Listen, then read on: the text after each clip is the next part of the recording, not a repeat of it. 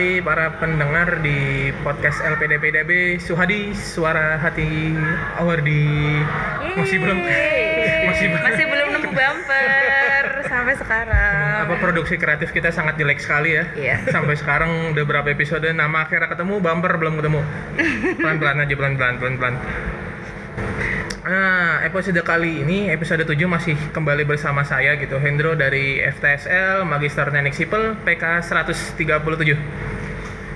Berhubung ngomongin PK, saya mau ngucapin dulu, ah besok itu anniversary PK saya satu tahun. Selamat ya. Udah tua ya, udah buat tua. iya. buat teman-teman 137 happy Nif yang mendengarin ya. Semoga lancar kuliahnya nanti yang udah mulai kuliah, yang belum dapat kampus semoga cepet dapat. Cepet berangkatlah kalian kawan-kawanku satu angkatan gitu. Seperti biasa saya masih ditemenin kadif saya. Ngomong dong. Iya baru minum. Galak ya. iya galak banget kan. Halo semuanya, dengan saya Sana dari jurusan Kimia angkatan 2018 genap PK 131. Dan PK 131 sudah lama anniversary ya BTW. Iya, soalnya dia beda gelombang. Iya. Eh, seperti kita ngomongin kemarin ya. Hmm. Jadi part ini adalah part berdua dari episode Yang Love in kemarin. Februari, Love in Februari. Oh, jelas di Februari judulnya. yang yang yang kemarin tuh Susi. kita sudah Iya. ketemu dua orang dengan permasalahan hubungan sebelum menikah. Mm-mm, Kita pacaran sekarang- iya. yang sekarang stepnya lebih tinggi lagi dong. Ya, naik, naik, level, kelas, naik level. kelas. Kita sekarang berhadapan dengan dua ordi yang menjalani double peran ya selama perkuliahan sebagai mahasiswa dan juga sebagai Istri atau suami? istri atau suami dari di Dari keluarganya, pasangannya, di keluarganya masing-masing. Iyalah, itu keluarga kita, emang bapak aku. Oke, kenalan dulu ya, kenalan dulu. Saya dimulai dulu. Ladies first, seperti Ladies biasa. Oke. Halo. Eh, nama saya Tri Mulyani, PK 129, sebelumnya 133, terus akhirnya mutasi, mutasi. Mutasi. Dimutasikan nama ke PK-nya apa? 129. Mangarasa Sahwahita. Iya. Halo. Oh, yang mau Ya, Reksa gitu. Ya gitu. Yang lagunya itu enak banget buat ngedance. Oke, oke. Oke, oke. Oke, jurusan apa Mbak Tri? Eh, jurusannya FT, eh, fakultasnya Fakultas Teknik Sipil dan Lingkungan, Hmm. jurusannya Teknik Lingkungan. Tetanggaan sama si Hendro. Oke, udah. Kalau abangnya nih, Halo, assalamualaikum. Eh, selamat berbahagia semuanya. Saya Fahrudin, Hmm. Dipanggil juga dengan jadi Fahrudin. Saya dari Belitung, Uh, jauh ya. Ah, sangat jauh, tapi dekat di hati. Wih, itu kan omongannya orang nikah. Sepertinya istrinya di sana. Laskar Pelangi ya, Laskar Pelangi. Istrinya yang dengerin mungkin yang dengerin. Saya PK 147. Hmm. Halo teman-teman 147. Hai. God bless you everywhere Eh, and for all PK. Oke. Saya di, di Doktoral Teknik Geodesi Geometrik Hmm. ITB. Senang berjumpa dengan teman-teman semua. Iya. Iya. Saya juga senang. Jadi ya. ada Mbak ada Bang Fahrudin dan Batri ya Ya, You. di depan kita nih. Kita mau ngomongin soal kehidupan pernikahan dan marriage life. Kuliah. Sedikit background dulu background. Heeh. Nikahnya udah berapa lama nih berdua nih? Berdua masing-masing. Ingat ya teman-teman, di sini Ini mereka berdua bukan ya. pasangan ya. Mereka Maksudnya bukan dengan- pasangan. Dengan pasangannya masing-masing. udah berapa lama? Tri, dulu? Nah, Tri. nikahku itu 10. 2016 Mei 2016. 05 05 Berarti jalan tahun 2016. keempat ya sekarang? Jalan tahun ke Kata orang sih masih seumur Masih manis-manisnya ya? Apa? Enggak, udah Oh, udah pahit. udah pahit. Aduh, Enggak langsung. bercanda. Canda kalau Bang Farudin nih, nikahnya udah berapa lama? Eh, dari 2006 ya, sekarang baru sudah Tahun oh Tahun dari ke- 2006 iya. tahun ke-16. kan belasan 14 dong. Eh iya sorry sorry 14. 2006 ke 14 saya sudah alhamdulillah sudah dikaruniai tiga orang anak Sobat Teresia, Anggota Setia Teresia dan baru si Alkohar yang ketiga. Dua cewek satu Dua cowok. cewek satu cowok. Kalau Mbak Tri nih, Mbak Tri udah Baru satu, Baru satu. anaknya tiga tahun. Tiga tahun. Eh, berarti dia suhu ya? Suhu, Suhu. suhu. Jadi kalau mau ngomong banyak tuh kayaknya diem aja deh. Dijawab Tiga tahun. Tiga tahun. cewek cowok. Cewek. Lagi lucu-lucunya nggak sih kalau tiga Ntar tahun? kamu kalau main sama anak tuh pasti boleh. Nanti kalau gabut ya kan. Iya Ada boleh. gabutnya ya masa kayaknya kok seminggu ini ada. Iya ada aku gabut terus terus Sana kayaknya yang gabut. Aku gabut terus nih. semester 3 ke atas emang udah mulai berkurang beban semester 2 tuh lagi Oh iya, Pak. tidak bisa lagi tidur tidur. tugasnya. Iya, banyak tidak tugas. bisa tidur ya Eh, gini pertanyaan seperti biasa kan dulu waktu kalau udah zaman dulu saya sih waktu S1 masih ada kegamangan milih kuliah atau sekolah lagi? Eh kuliah menikah atau sekolah lagi gitu dulu. Zaman dulu tuh zaman dulu. Ada. Kan jarang orang yang mutusin untuk eh, bisa eh, kuliah pas dalam kondisi menikah gitu ya. Karena kan emang beban bebannya pasti bertambah dan kadang-kadang tuh jadi nggak fokus gitu. Jadi ibu rumah tangga jadi kepala rumah tangga sekaligus kuliah. Kita kan ibaratnya kuliah lanjut ini kita nggak cuma sekedar kuliah kelas aja ya. Kita punya Riset, tanggungan riset yang terutama Bang Farudin S3 gitu berarti risetnya kan di- disertasi gitu. Lebih kompleks lebih banyak lebih butuh banyak waktu dan sumber daya. Dulu waktu pertama kali mutusin sebelum kan berarti kan posisinya nikah terus baru ngambil ngomong ah mau kuliah lagi lah kan gitu. Mm-mm. kan kayak gitu ya berarti berdua ya. Per- pertimbangan yang bisa ngambil kuliah lagi kenapa tuh Baru dulu yang senior dulu dong. Oh, iya, iya. Karena kan pasti eh, waktu buat berkeluarga keluarga kurang kurang dong. apalagi Mafrin yang Bengkulu ya harus Belitung. jauh dari Belitung. oh iya sorry Belitung. Belitung Ada apa di Bengkulu? mirip kan mirip kan katanya apalagi jauh dari anak jauh dari istri gitu. pertimbangannya apa nih Iya, memang karena ini lah, saya kan di Belitung itu adalah sebagai abdi negara di ASN. oh udah saya Jadi memang Belitung Timur itu kekurangan sumber daya manusia Hmm. dalam hal yang ekspor ya. Padahal permasalahan di sana itu sangat kompleks. Sehingga- Sehingga saya terpanggil itu untuk eh, memberanikan diri mempropos untuk studi lanjut mulai dari master kemarin juga dari dinas kemudian untuk doktoralnya juga dari dinas dan juga saya sudah komitmen bersama gitu dengan istri, dan anak-anak kalau seandainya saya dapat di LPDP untuk doktoral saya akan membawa anak untuk ikut saya di sini. Jadi si anak pertama dan kedua saya di Bandung? saya ajak di Bandung. Yang pertama tuh SMP 22 Ayah Sophia dan yang kedua di SP Pelesiran Gun Santika Teresia. Masih di Plesiran deket kasan aku karena ya, istri juga kan eh, dia dokter hewan di ASN juga. Oke. Kalau misalnya tiga-tiganya sama dia repot banget repot juga sementara kan di sana juga nggak ada yang yang bantu. Mm, mm, mm, mm. hanya ya tidak banyak lah yang bantu gitu jadi ya kita berbagi lah sharing. Berbagi tugas gitu Cost sharing intinya. lah Oh, cost sharing. Oh kompak sekali Support systemnya. kompak sekali. bebannya makin berat loh. Keluarga S3 dan negara gitu. Iya benar sih. Ada ada apalagi ada anak dua Iya, loh di sini. yang satunya SMP kan. SMP tuh kan biasalah remaja kan. Butuh banyak Kamu sekali. kayak masih remaja. oh iya dong. Saya juga remaja lewat jauh. Kalian juga masih remaja Remaja. Eh, kalau itu Iya. jangan dibahas, karena, karena, kasihan. karena kita kan belum nikah jadi remaja masih dulu remaja. ya. statusnya masih remaja di KDP kalau mungkin pakai seragam SMP masih masuk. Tuh kan? Ah, masuk. saya nggak muat Mau ngomong gitu tapi nggak enak. iya kalau aku masih masih kalau materi gimana waktu itu pertimbangan pertimbangan setelah menikah untuk kuliah lagi gitu Oh, jadi sebenarnya kan emang dari dulu tuh pengennya tuh sekolah. Hmm. Terus setelah lulus, ya udah kan. lulus S1 tahun lulus S1 tahun 2012 terus sempat kerja terus akhirnya memutuskan eh, Nikah. memutuskan menikah dulu kan? Menikah dulu kan, tahun 2016. Nah, setelah itu mikir em, kayaknya tuh kalau perempuan itu sepertinya tuh asik kalau terus mengupgrade ilmu ya ilmu itu juga hanya dari pendidikan Betul, tapi suka banget perempuan kayak gini. pendidikan ibu sama anak semuanya gitu dulu. kan ya. Nah, terus akhirnya be- eh, minta izin dong. Hmm. Ridho istri kan ri- ridho suami, Suami. kan ridhonya aku Ridho, berarti kan ya. I- diizinkan untuk kuliah dengan segala konsekuensinya karena memang milihnya itu di ITB Hmm. dengan beberapa pertimbangan. Jadi akhirnya daftar LPDP dan lolos. Ya udah di sini menjalani semuanya. LDM-nya ya Senin sampai Jumat karena suami kerja di Jakarta, jadi Sabtu Minggu baru suami ke sini gitu. Di sini berdua sama anak, Berdua sama. gitu. menarik menarik ada ada dua-duanya ada anak di sini. Iya. Dua-duanya. Jadi kan berarti harus ngurus anak juga gitu kan ngurus Hmm. anak ngurus kuliah. Capek apa sih? Oh, nggak nggak nggak bayangin gitu loh.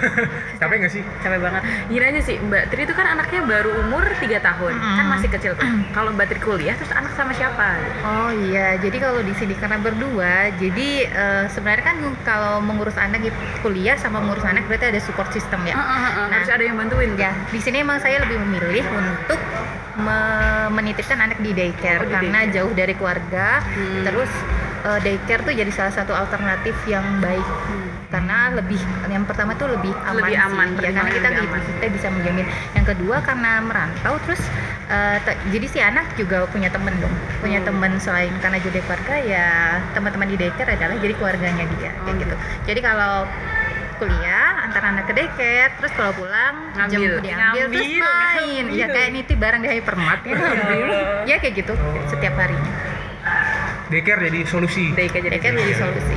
Kalau anaknya Bang Farudin kan udah SD sama SMP Iya. tuh, Tapi- pasti tapi udah kan- main sendiri ya sih? Tapi kan masih butuh itu juga dong perhatian bang ya Ah. biasanya Enggak, maksudnya SMP dan SD kan kadang-kadang tuh butuh kayak pendekatannya beda pasti jelas dengan Iya. anak lebih kecil dan kadang-kadang tuh mereka ada waktu-waktu buat belajar bareng nggak sih kan kalau zaman saya dulu sih Oh iya, masih kalau sempat- malam diajarin sama iya, mas- bapaknya, masih sempat kerjain nggak sih tuh? PR Masih gitu. sempat gitu bang hal-hal kayak gitu ngajarin gitu atau merhatiin nilai si anak kadang-kadang harus Iya lah, harus lah itu kan kita kan seni karena seni adalah quality of life dalam hal pendidikan itu sangat tinggi gitu. Tapi sebelumnya sangat berbeda jauh antara Belitung dengan Bandung. iya Dari segi cuaca juga sana panas sini dingin, dingin. mereka senang kan. Kemudian dari segi eh, entertain di sana ke- kampung. Di sini sudah kota. Jadi kalau mereka tuh lihat BP tuh sangat kayak gimana gitu ya. Wow, gitu. Diajak makan ke KFC, wah itu kan padahal kan kan nggak ada. Oke. Saya sampaikan.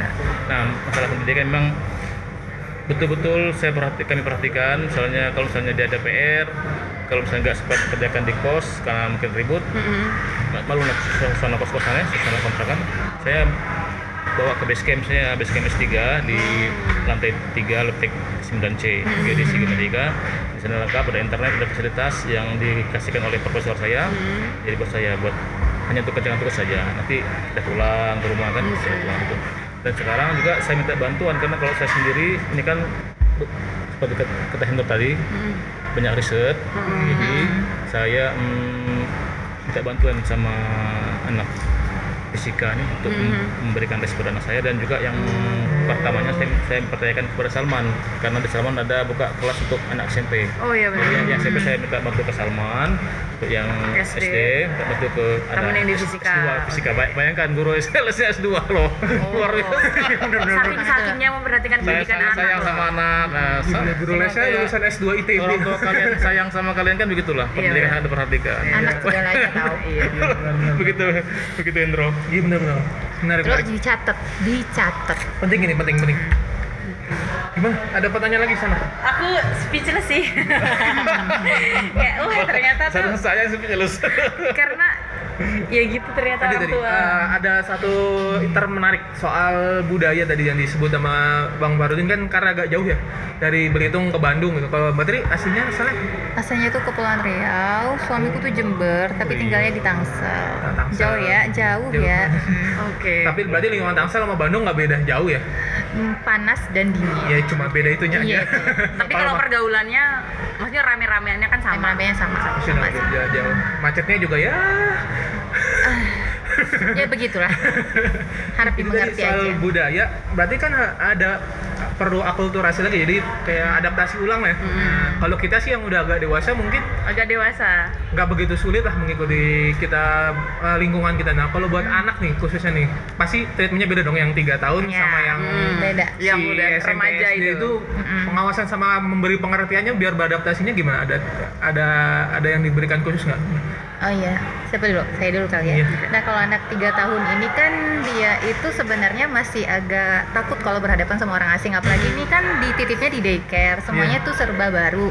Jadi sebenarnya memang anak-anak itu butuh beradaptasi. Jadi memang dari awal sudah bilang ke gurunya, Hmm. "Eh, kan kita tahu anak kita itu tipenya apa? Tipenya easy child atau yang difficult atau yang slow responding. Oke. Jadi minta tolong ke ke, ke siapa? Ke pengasuh yang di daycare untuk sabar. Anaknya tipenya tuh seperti ini kayak gitu. Anaknya itu memang eh, butuh waktu untuk beradaptasi. Nah gimana peran ibunya? Nah ketika diantar ke daycare itu udah di briefing dulu. Oh di briefing. di briefing gitu. Nanti dititip dulu sama ibu sama bu guru sama sama sama sama Teman-teman teman-teman nanti main happy di sana. Nanti dijemput lagi. Bundanya mau kuliah dulu kayak gitu. Jadi tiap dikasih hari pengertian. ya dikasih pengertian. insya Allah ke hari demi hari dia malah betah di situ. Nanti kalau sekarang ini kalau ditanya saya ke daycare iya, nanti kan bunda jemput kayak gitu. Jadi emang bener-bener harus di briefing, harus sabar sih karena anak itu butuh proses untuk beradaptasi begitu sana. Oh. Tiga tahun. Kalau Bang Fadrin SMP gitu kan pergaulan lagi bebas-bebasnya Iya, gitu ya. bener itu. Lagi senang Iya. lagi kalau zaman dulu sih saya lagi senang-senangnya main tuh SMP ke SMA. Kalau Main SMA apa udah- dulu nih dulu main apa? Ya biasalah. maksudnya sama teman-teman Iya, keluar ngobrol jalan nongkrong anak-anak dulu gitu. pergaulan di Belitung sama di Bandung beda dong. Hmm, beda, beda beda gitu. Gimana menyikapi perbedaan gitu? Ada maksudnya si anak pernah ada komplain nggak gitu waktu pertama kali nyampe sini? komplain sih masalah yang paling tinggi itu masalah bahasa lah ya Oh. bahasa kan beda banget lah ya Iya masih. Kalau saya di sini masih agak Iya, campur Melayu gitu ya. Melayu lah, Melayu Indonesia di sini masih, masih bisa Saya kan di sini kan juga ya semacam ada perbedaan culture ini mereka bahasa juga metode bergaul Oh. beda sama orang Sunda misalnya kalau ngomong aja lah kalau ngomong agak bukan maksudnya bukan marah tapi dikiranya nanti kayak mau marah Oh, Nada- nada- nada-nadanya. Tuh sering curhat begitu akibatnya dia seperti tidak ada teman Oh iya agak susah bergaulnya jadi. Iya, awal-awal awal-awal kemarin masuk. Oh, pas adaptasi-adaptasinya. Ah, awal-awal seperti itu. Tapi saya bilang sabar, emang perlu waktu. Eh, waktu akan bicara. Wih deh. Asik. Waktu akan bicara. Katanya waktu akan bicara ke sana. Kenapa? Parenting banget ya. Sekarang ke tadi kan ke anak nih. Sekarang kalau ke pribadinya cara bagi waktu ke keluarga dengan ke kuliah gimana? Kan soalnya kan punya anak otomatis harus dua-duanya dibawa ke sini nih anaknya nih ya nih. Ah. Berarti kan berarti butuh waktu sendiri soal buat ngurusi anak dan butuh waktu untuk ngurus kegiatan perkuliahan gitu. Karena kan kita ada tugas mungkin tiap pekan kalau riset berarti tiap berapa pekan harus S3 tuh kan kalau nggak salah setiap berapa kali tuh Ada- ketemu dosen terus kan. Itu gimana cara bagi waktunya biar Si anaknya tuh tetap mendapat perhatian anak gitu. dan kuliah kita juga nggak keteteran gitu Betul. Oh, oke, karena anaknya tiga tahun. Tiga tahun ini kan memang masih sangat butuh perhatian dari orang tua kan. Jadi memang tidak mau kehilangan momen bersama anak. Jadi gimana cara bagi waktunya? Ya memang konsekuensi di awal ketika LDM sama suami adalah harus berani dan mau capek. Gitu. Jadi apa yang harus dilakukan? Ya udah ketika kuliah itu benar-benar menghargai waktu. Kalau misalnya ada ada kelas kosong, ada waktu kosong ya digunakan untuk nyicil belajar, nyicil bikin tugas. Terus kalau udah jemput anak itu artinya itu adalah waktu bersama anak. Nah di situ karena kan kalau anak itu kan ibu kan madrasah ya buat anak-anak. Iya. Jadi ya malam-malam ya coba dikasih stimulus. Stimulusnya itu ya baca buku, main warna, kenal angka dan sebagainya. Tapi jadi tidak melupakan kewajiban sebagai seorang ibu. Jadi memang konsekuensinya harus kayak gitu. Nah gimana? Terus kalau emang tugas belum selesai ya udah malam-malamnya di Dilanjutin lagi pas dilanjutkan anak udah lagi. tidur. pas anaknya udah tidur. Kadang sering kebablasan tidur. Kalau kebablasan tidur ya udah nikmati aja ya. Bisa tidur. oke, oke.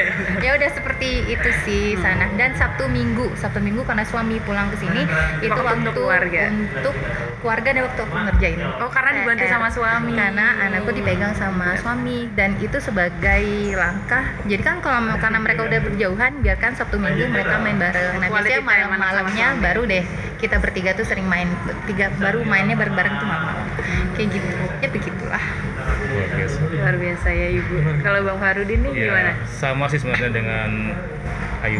Batri. Ba- Ayu Tri karena ya. Bangka kan Iya, Ayu Tri Ayu Tri, Ayu kan Oh, iya. Sumatera ya. Ayu Tri ya sama lah sebenarnya cuma kan kalau misalnya kami itu ya lebih karena S3 lebih mandiri. 90% adalah tugas mandiri. Eh, di- dalam buku How to Get a PhD di karangan Estela dan Derek itu disebutkan minimal tuh satu hari itu seorang PhD itu harus bekerja riset atau ber- berhubungan dengan kuliahnya tuh 5 sampai 6 jam. 5 hari kerja Senin sampai Jumat gitu ya.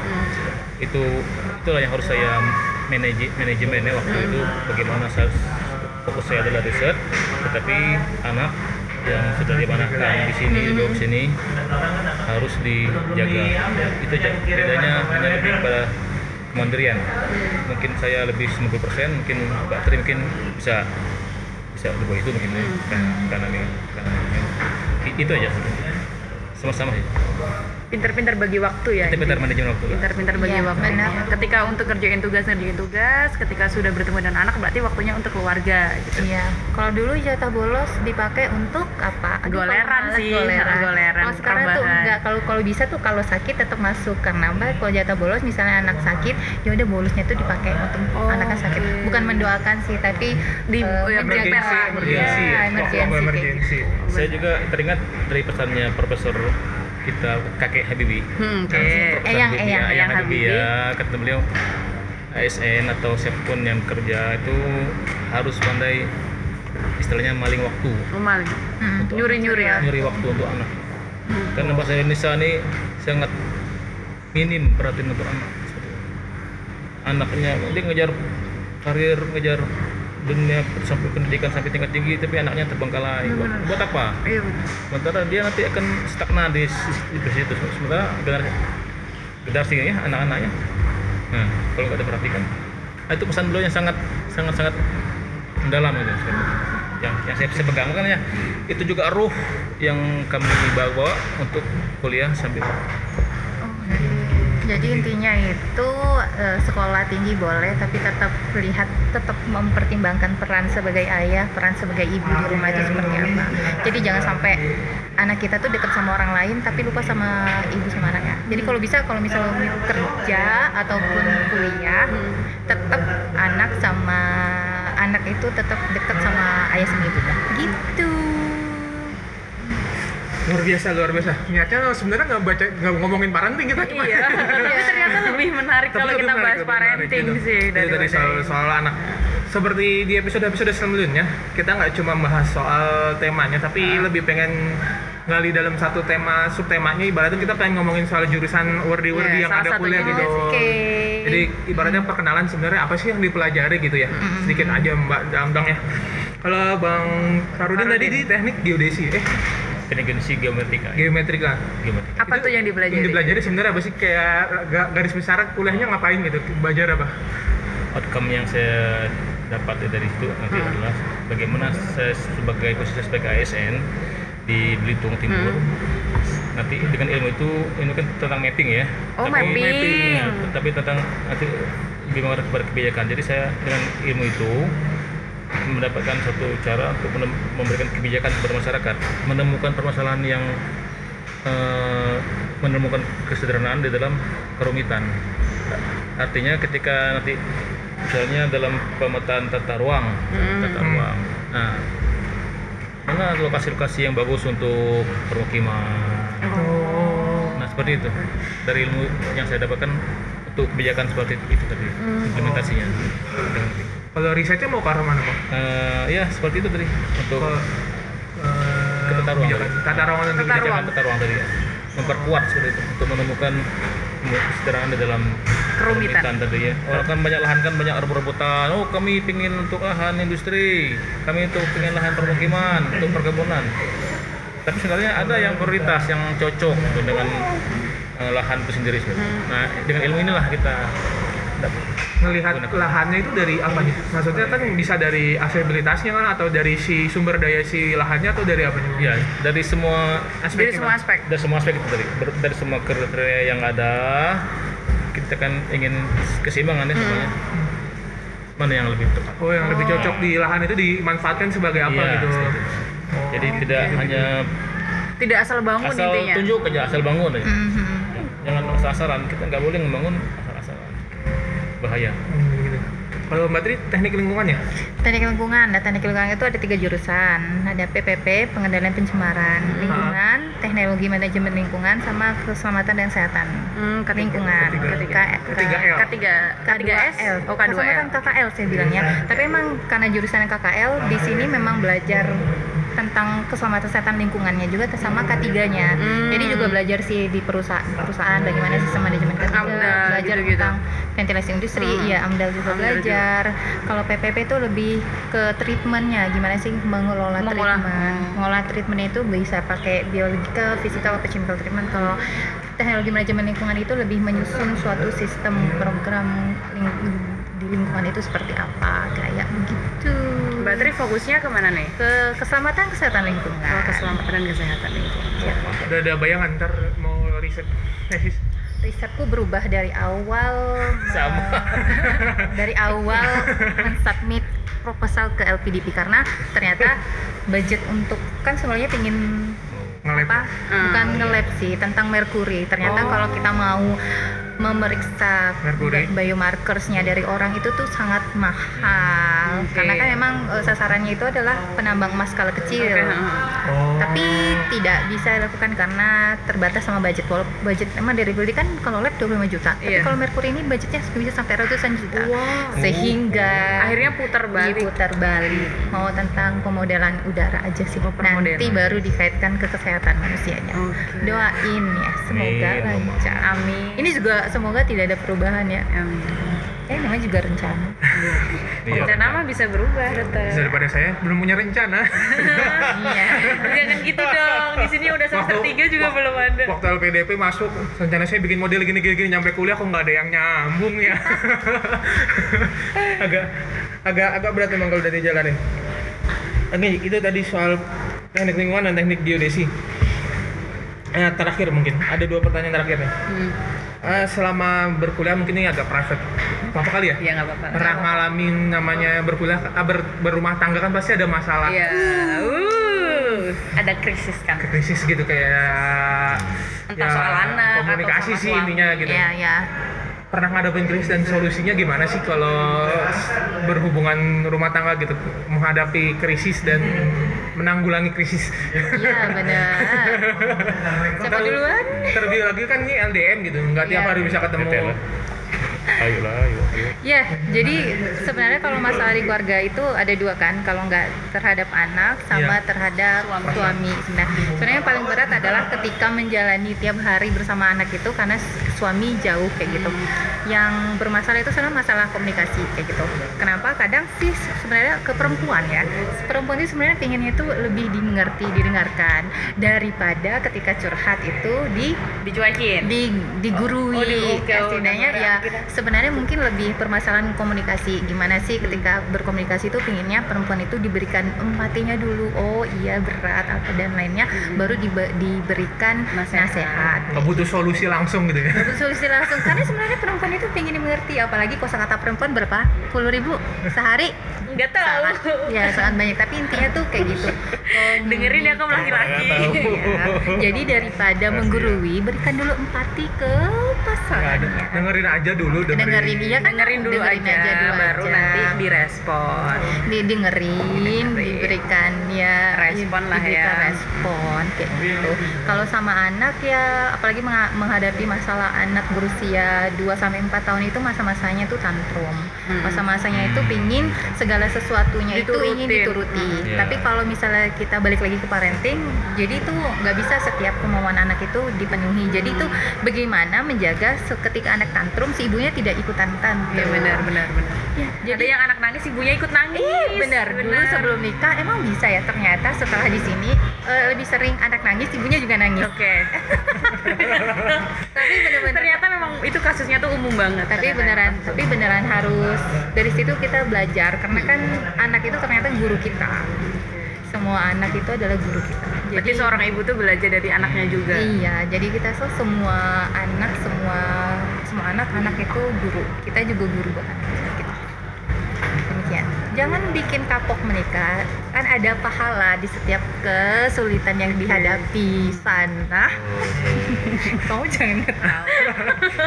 Kalau dari Bang Faludin gimana?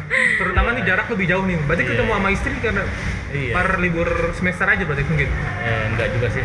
Eh, Satu tahun sekali enggak, jangan-jangan. enggak, enggak. Eh, tisu, tisu, tisu. LDR.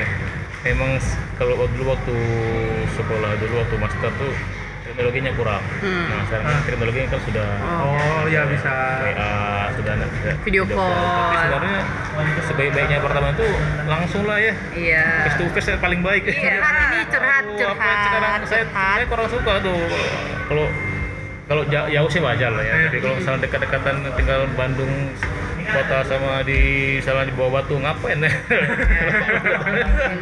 Iya sekarang saya gitu nanti tapi kita siasati eh, kayak kemarin kalau istri sudah beres keluar nah, diambil ke Jakarta nanti mampir Oh gitu. Nyuri-nyuri waktu lagi-lagi. Nyuri-nyuri Nyuri-nyuri waktu. ada pelatihan kayak kemarin pelatihan di Bandung pelatihan sab kuda apply diterima dari dinas Ketemu deh di situ. Nggak pertanyaan tambahan. Iya. Eh, bagaimana rasanya jauh dari istri? Ya benar benar benar benar benar. Iya dari kacamata rasanya mengurus di anak? Ya.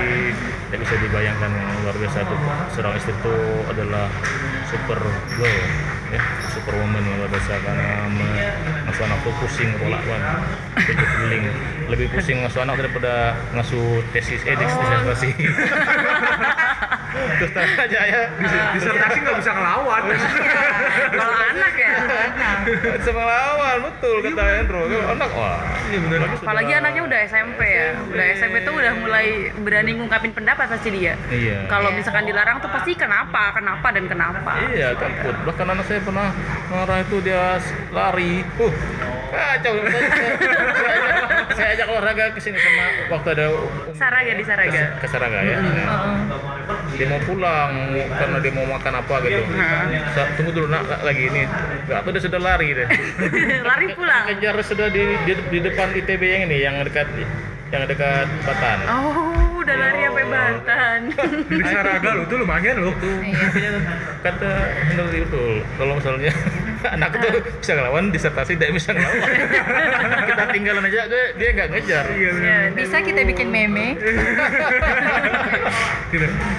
Terakhir terakhir terakhir. Pesan buat wordy-wordy yang mendengarkan mungkin. Mungkin kalau ada yang masih galau ingin menikah. menikah atau kuliah atau mungkin sedang di masa pernikahan dan berkuliah gitu ada pesan mungkin soal mungkin yang sedang menjalani pernikahan dan kuliah gitu atau udah sudah di gerbang pernikahan sambil kuliah gitu ada pesan nggak Ya gimana dari senior dulu ya. Oke. pernikahan dan kuliah sebenarnya bisa jalan bareng nggak Iya. sih Ya. ya Itu intinya ya. hidup nikah itu kan pilihan lah ya pilihan untuk yang kebaikan hidup kita juga Hmm. kita mau nikah mau gak nikah itu kan pilihan ya pilihlah yang yang baik-baik lah sebenarnya Hmm. kalau bagi saya sih ya nikah tuh yang baik gitu. Tapi semuanya perlu eh, melihat eh, situasi dan kondisi yang real. Jangan juga kita milih menikah tapi permasalahan eh, ternyata lebih pelik. Nah itu dipertimbangkan lagi. Tapi misalnya kalau misalnya kita sudah saatnya menikah meskipun kuliah atau ini atau mau mau apa gitu mau mau lulus misalnya Hmm. ya nikah aja Bismillah saya cuman kita jangan terlalu eh, memaksakan kalau kita kemampuannya belum sampai gitu. lihatlah kita lah yang bisa Mengukur dengan, mengukur. dengan tangible-nya dan kita lah yang yang yang punya keputusan gitu mungkin itu yang yang yang bisa Mbak Ya. Trini. Kalau dari aku Iya. ya balik lagi benar. Eh, sebenarnya menikah sama sekolah itu itu tergantung ke pribadi masing-masing. Kalau aku sendiri bilangnya apakah bisa menikah sambil sekolah bisa, tapi ada konsekuensi yang harus diterima. Kalau misalnya menikah itu berarti harus ada tanggung jawab, sekolah juga ada tanggung Hmm. jawab. Jadi kalau misalnya seorang istri ingin sekolah, berarti dia membutuhkan tuh support system. Jadi Hmm. selama istri itu mempunyai support system, support Hmm. system itu eh, dari suami, insya Allah bisa berjalan Hmm. dengan maksimal dengan lancar. Cuma perlu diingat bahwa setiap yang diambil, setiap keputusan yang diambil tuh ada konsekuensinya. Kalau misalnya orang lain eh, bisa menjalankan perannya masing-masing, misalnya kuliah dulu atau menikah aja gitu, mungkin usahanya akan berbeda ketika eh, seseorang itu menjalani kehidupan di dalam suatu pernikahan dan juga sambil eh, sekolah gitu. Ada konsekuensinya kayak gitu. Kalau ditanya bisa atau bisa bisa atau enggak, saya jawab sih bisa, dengan segala konsekuensinya. Begitu. Tuh, teman-teman berani berani sana sama Endra kapan gitu? Aku Saya- boleh nanya nggak? cocok boleh Satu boleh boleh. pertanyaan nih. Boleh. Eh, kalau menurut Mbak Tri lebih baik dicintai atau mencintai? Aduh. Karena kan dari dari pertanyaan Nora ini keluar juga. Karena aku penasaran banget. Serius lebih baik mencintai atau dicintai. karena kan setelahnya kan pernikahan terus apalagi ntar kalau sambil kuliah. Pertanyaan itu kan kayak jadi pertanyaan awal sebelum melangkah. Ke situ. menurut aku sih tapi nggak tahu kalau menurut gimana nih mencintai dan dicintai. Apa nggak bisa dua-duanya. Harus salah satu. Kalau kalau harus memilih gitu ya. Kalau harus memilih mungkin kalau sebagai perempuan ya sebaiknya kalau disuruh milih antara dari itu ya sudah mencintai saja mencintai mungkin akan lebih baik daripada cintai. Walaupun sebenarnya kalau men, kalaupun hanya mencintai tapi tidak dicintai eh, balik lagi si sana kembali ke niat kita masing-masing. Karena kita perempuan eh, setelah punya anak setelah punya suami apa sih yang kita cari? Kayak gitu. Kalau misalnya kita carinya mungkin kesenangan di dunia mungkin lebih enak dicintai gitu ya. Ya aku tuh pingin dong diperhatiin gitu. Tapi kalau misalnya kembali lagi apa sih yang kita cari? Oke misal kita mencari ridho Allah terus ridho Allah berarti ridho suami terus kita mengharapkan sesuatu itu yang baik itu bukan hanya di dunia tapi di akhirat mending kita mencintai mencintai anak mencintai Suami. suami, terus sabar. Seperti kisah nah kisah istrinya Firaun yang sabar dengan segala cobaan yang ada. Jadi Jauh seperti sekali itu. uhti ya gitu. Jadi mama dede kan? Nggak mau jadi mama dede tapi akhirnya tuh seperti itu sepertinya ini adalah curhatan Enggak, enggak, enggak. pribadi kamu Ini sebenarnya tuh beberapa pertanyaan yang aku kirim ke Mas Hendro itu aku himpun dari pertanyaan teman-teman. Karena sebelumnya aku bilang akan ada tema ini, ada nggak yang mau nitip pertanyaan? Dan pertanyaan itu tuh beberapa kali ditanyakan. Dan aku juga penasaran. alasannya Itu serius Alasannya. Itu serius aku itu serius. Kalau Bang Farudin nih, hanya mencintai dicintai itu pilihan itu timpang oh, timpang. sebenarnya mencintai ini kan eh, Yang enaknya sih tetap Dari- saling ya kan. da- dari kita keluar. Tapi masa hanya kita ingin mencintai. Kita juga kan perlu dicintai. Asik harus seimbang. Paling enak tetap saling ya. saling. Saling, bagaimana kalau satu. sana hanya dituntut mencintai suami? Suami tidak mencintai sana. Astagfirullah. nah itu kan tidak adil. Ya sakit dong. sila kelima. Oh iya, keadilan sosial. Indonesia. Ah luar biasa tahu nah begitu kayak sendal jepit gitu loh sana Iya. kalau cuma satu yang maju satunya ketinggalan ya pincang atau Justru ya kita menghadirkan berdua ini biar ada Begitu, Iya, begitu, begitu, begitu, serius. Ya, ternyata ini adalah curhatan sana pribadi teman-teman. Jadi bagi yang ingin mencari jodoh, silakan menghubungi sana dan Hendro. Bisa. dari LPDPTB buka kontak jodohnya sana ntar dikasih semua pintar deh Tapi Hendro nggak cemburu gitu? tidak dong Oh tidak. ini tuh pertanyaan tuh sebelumnya udah Iya, aku tanya iya, Iya Percaya. percaya. Bikin Enggak. Ini mukanya tuh merah. iya percaya Kalau percaya. merah itu bisa Karena ini gerah banget ini gerah. Oh gerah, gerah di samping Hendro. Iya. Oh, iya. Mas Hendro kan hot dispenser. Microwave kali pakai gelombang. gitu aja buat episode kali ini sangat sangat sangat sangat mencerahkan gitu Hmm. padahal niatnya nggak pengen begini sih maksud episodenya iya, tapi tapi ternyata ternyata sih ternyata itu. luar biasa gitu sangat jauh melebihi ekspektasi. Terima kasih buat para pembicara kita Mbak Tri Bang Farudin semoga lancar kuliahnya. Lancar kehidupan keluarganya, keluarganya. juga. salam buat anak dan pasangan masing-masing buat suami buat anak istri. semoga bisa membangun keluarga yang diimpikan selama ini gitu. Amin. Amin ya Allah. Buat teman-teman jangan lupa gitu episode kita selalu update setiap Rabu jam 1 Satu siang, siang. di Spotify bisa didengarkan. Kalau punya saran tema atau saran pembicara bisa langsung kontak kita via Instagram LPDPDB atau Twitternya LPTB LPD LPDPDB. LPDPDB atau Facebooknya Di @lpdptb juga. ya bisa langsung kontak kita aja. Oke. Eh, Kita terbuka untuk masukan dan sebagainya gitu. Atau mau yang ada yang ingin diundang jadi narsum di sini Ya, juga butuh silakan. butuh exposure sekali lagi kita tawarkan. exposure. butuh terkenal gitu kan siapa tahu bisa bisa bisa bisa Butuh Gitu. eksis uh, sampai jumpa lagi di episode selanjutnya ya hmm? didengarkan terus setiap Rabu siang podcast LPDB ITB Suhadi Suara, Suara Hati, Hati Yeah. yeah.